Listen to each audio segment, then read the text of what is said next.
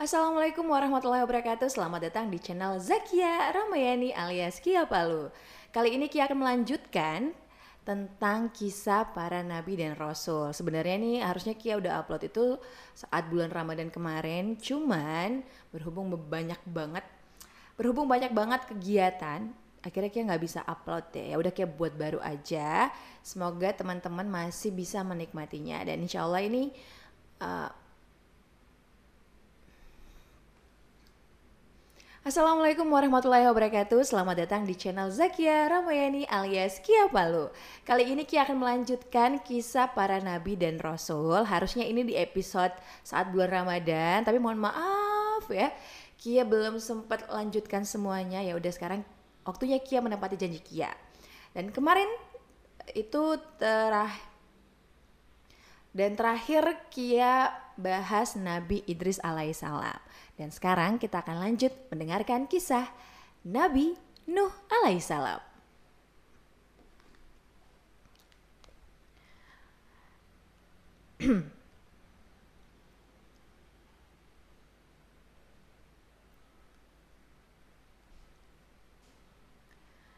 Kia akan baca di sini ya, takutnya Kia salah, jadi Kia nyontek di sini ada contekannya. Nuh adalah putra Lamik bin Mata Shali bin Idris. Menurut Al-Quran, usia Nabi Nuh ialah 950 tahun. Menurut Quran Surat Al-Ankabut 29 ayat 14. Setelah Nabi Idris meninggal dunia, perilaku masyarakat semakin menyimpang. Begitu juga kaum Nuh yang ketika itu menyembah berhala Al-Quran menyebutkan hal ini dalam surat Nuh 71 ayat 23. Mereka berkata, Jangan kamu tinggalkan Tuhan-Tuhan kamu dan jangan kamu tinggalkan Wat, Suwa, Yagut, Yakut, dan Nasr. Selain itu, kaum Nuh terkenal zalim dan sewenang-wenang. Kejayaan dan kekayaan membuat mereka sombong martabat dan harga diri diukur dari banyaknya harta. Karena itu, orang-orang miskin dipandang rendah. Para budak diperlakukan seperti binatang. Melihat keadaan itu, Allah memerintahkan Melihat keadaan itu, Allah memerintahkan Nuh untuk mengajak mereka ke jalan yang benar. Dengan sabarnya, Nabi Nuh menyampaikan ajaran-ajaran Allah kepada masyarakat yang musyrik. Nabi Nuh berkata kepada kaumnya, "Dan sesungguhnya aku memperingatkan kamu dan dan sesungguhnya aku memperingatkan kamu akan siksaan Allah dan aku menjelaskan kepadamu jalan keselamatan. Maka sembahlah Allah saja dan jangan menyekutukannya dengan suatu apa pun." Karena aku khawatir apabila kamu menyembah selain dia atau menyekutukannya dengan yang lain, dia akan menyiksamu pada hari kiamat dengan siksaan yang sangat menyedihkan. Quran Surat Hud 11 ayat 25-26 Ternyata dakwah Nabi Nuh tidak mendapat sambutan yang baik. Mereka malah mencemooh dan menghina Nabi Nuh. Mereka juga meremehkan Nabi Nuh dan pengikutnya yang miskin. Maka berkatalah pemimpin-pemimpin yang kafir dari kaumnya, kami tidak melihat kamu melainkan sebagai seorang manusia seperti kami. Dan kami tidak melihat orang-orang yang mengikuti kamu, melainkan orang-orang yang hina dina di antara kami yang lekas percaya saja. Dan kami tidak melihat kamu memiliki sesuatu kelebihan apa pun atas kami. Bahkan kami yakin bahwa kamu adalah orang-orang yang berdusta. Quran Surat Hud 11 ayat 27 Nabi Nuh kesal terhadap sikap kaumnya. Ia pun berlindung kepada Allah dan memohon pertolongannya. Ia berdoa kepada Allah.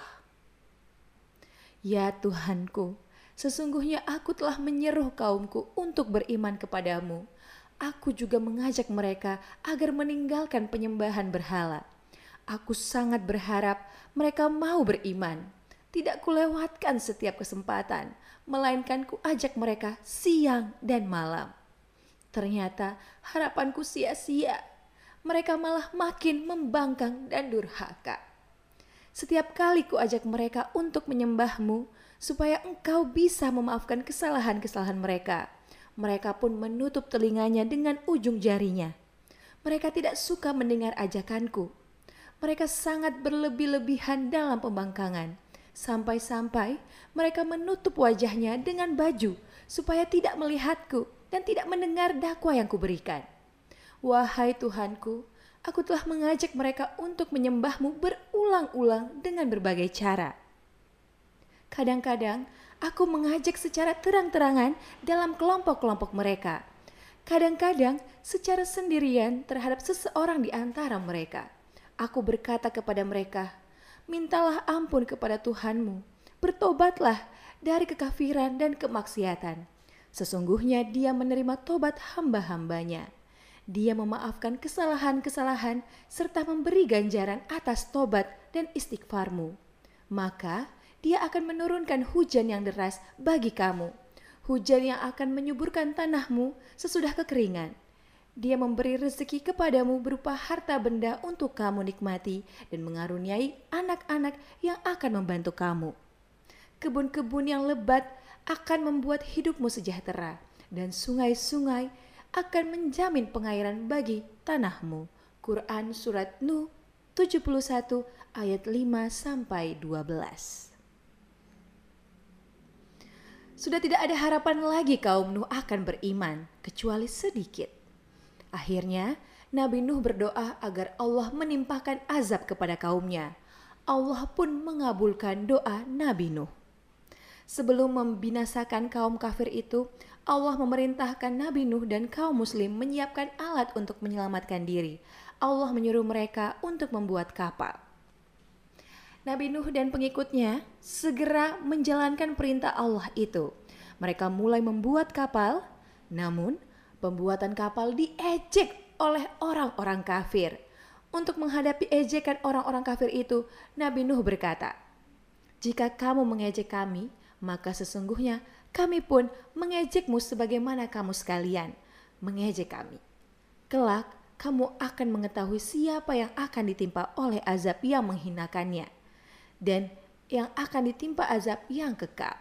Quran Surat Hud 11 ayat 38-39. Nabi Nuh dan pengikut kaum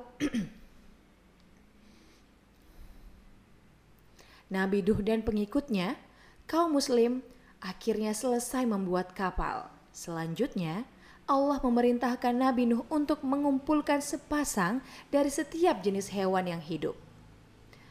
Lalu hewan-hewan itu dimasukkan ke dalam kapal.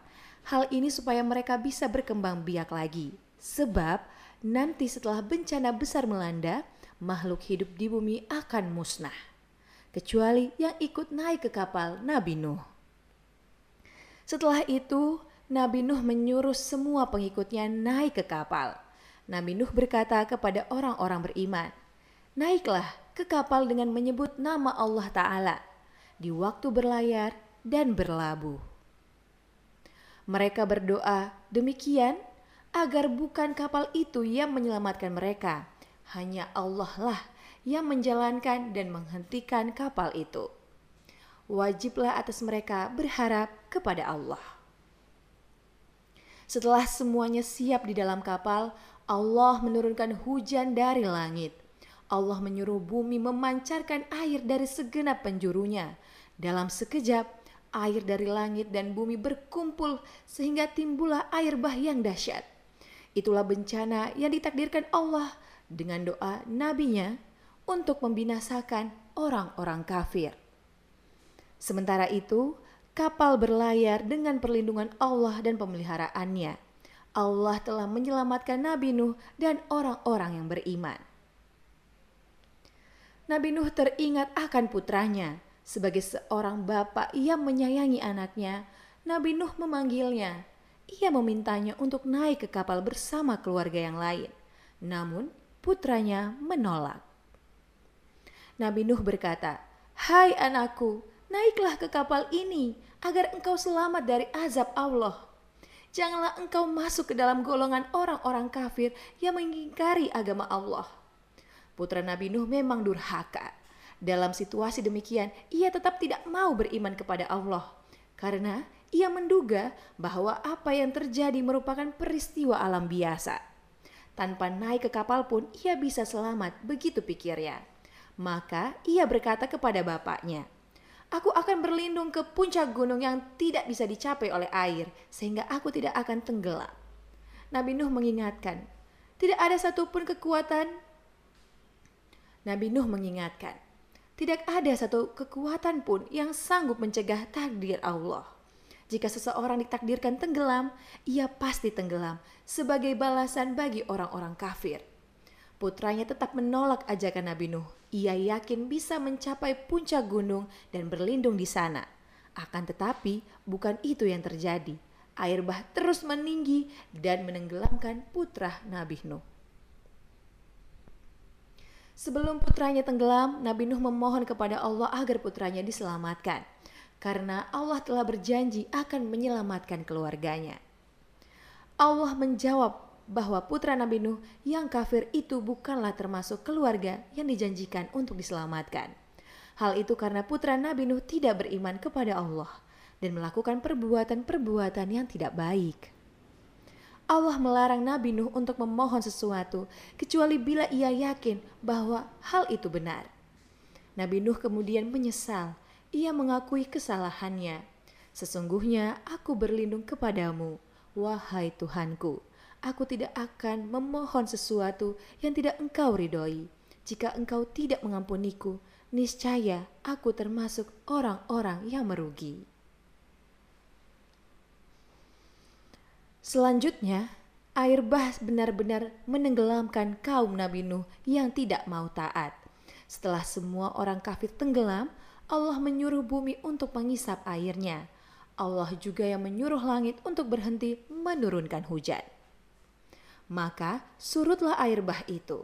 Kapal Nabi Nuh kemudian terdampar di Gunung Judi. Allah mengatakan dalam surat Hud 11 ayat 48. Dikatakan kepada Nabi Nuh, Hai Nuh, turunlah dengan selamat sejahtera dan penuh keberkatan dari kami atasmu dan atas umat-umat yang mukmin dari orang-orang yang bersamamu. Dan ada pula umat-umat yang kami beri kesenangan pada mereka dalam kehidupan dunia Kemudian mereka akan ditimpa azab siksa yang pedih dari kami. Di tanah baru itulah pengikut Nabi Nuh hidup dengan damai.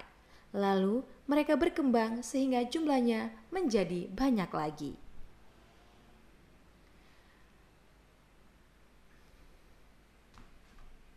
Itulah tadi kisah Nabi Nuh alaihissalam. Semoga kisah ini bisa bermanfaat bagi kita semua. Terima kasih untuk semua yang sudah menonton. YouTube Kia dan jangan lupa di subscribe dulu dan like dan komen serta share video ini agar yang lain bisa merasakan manfaatnya. Sekali lagi terima kasih. Wassalamualaikum warahmatullahi wabarakatuh and bye bye.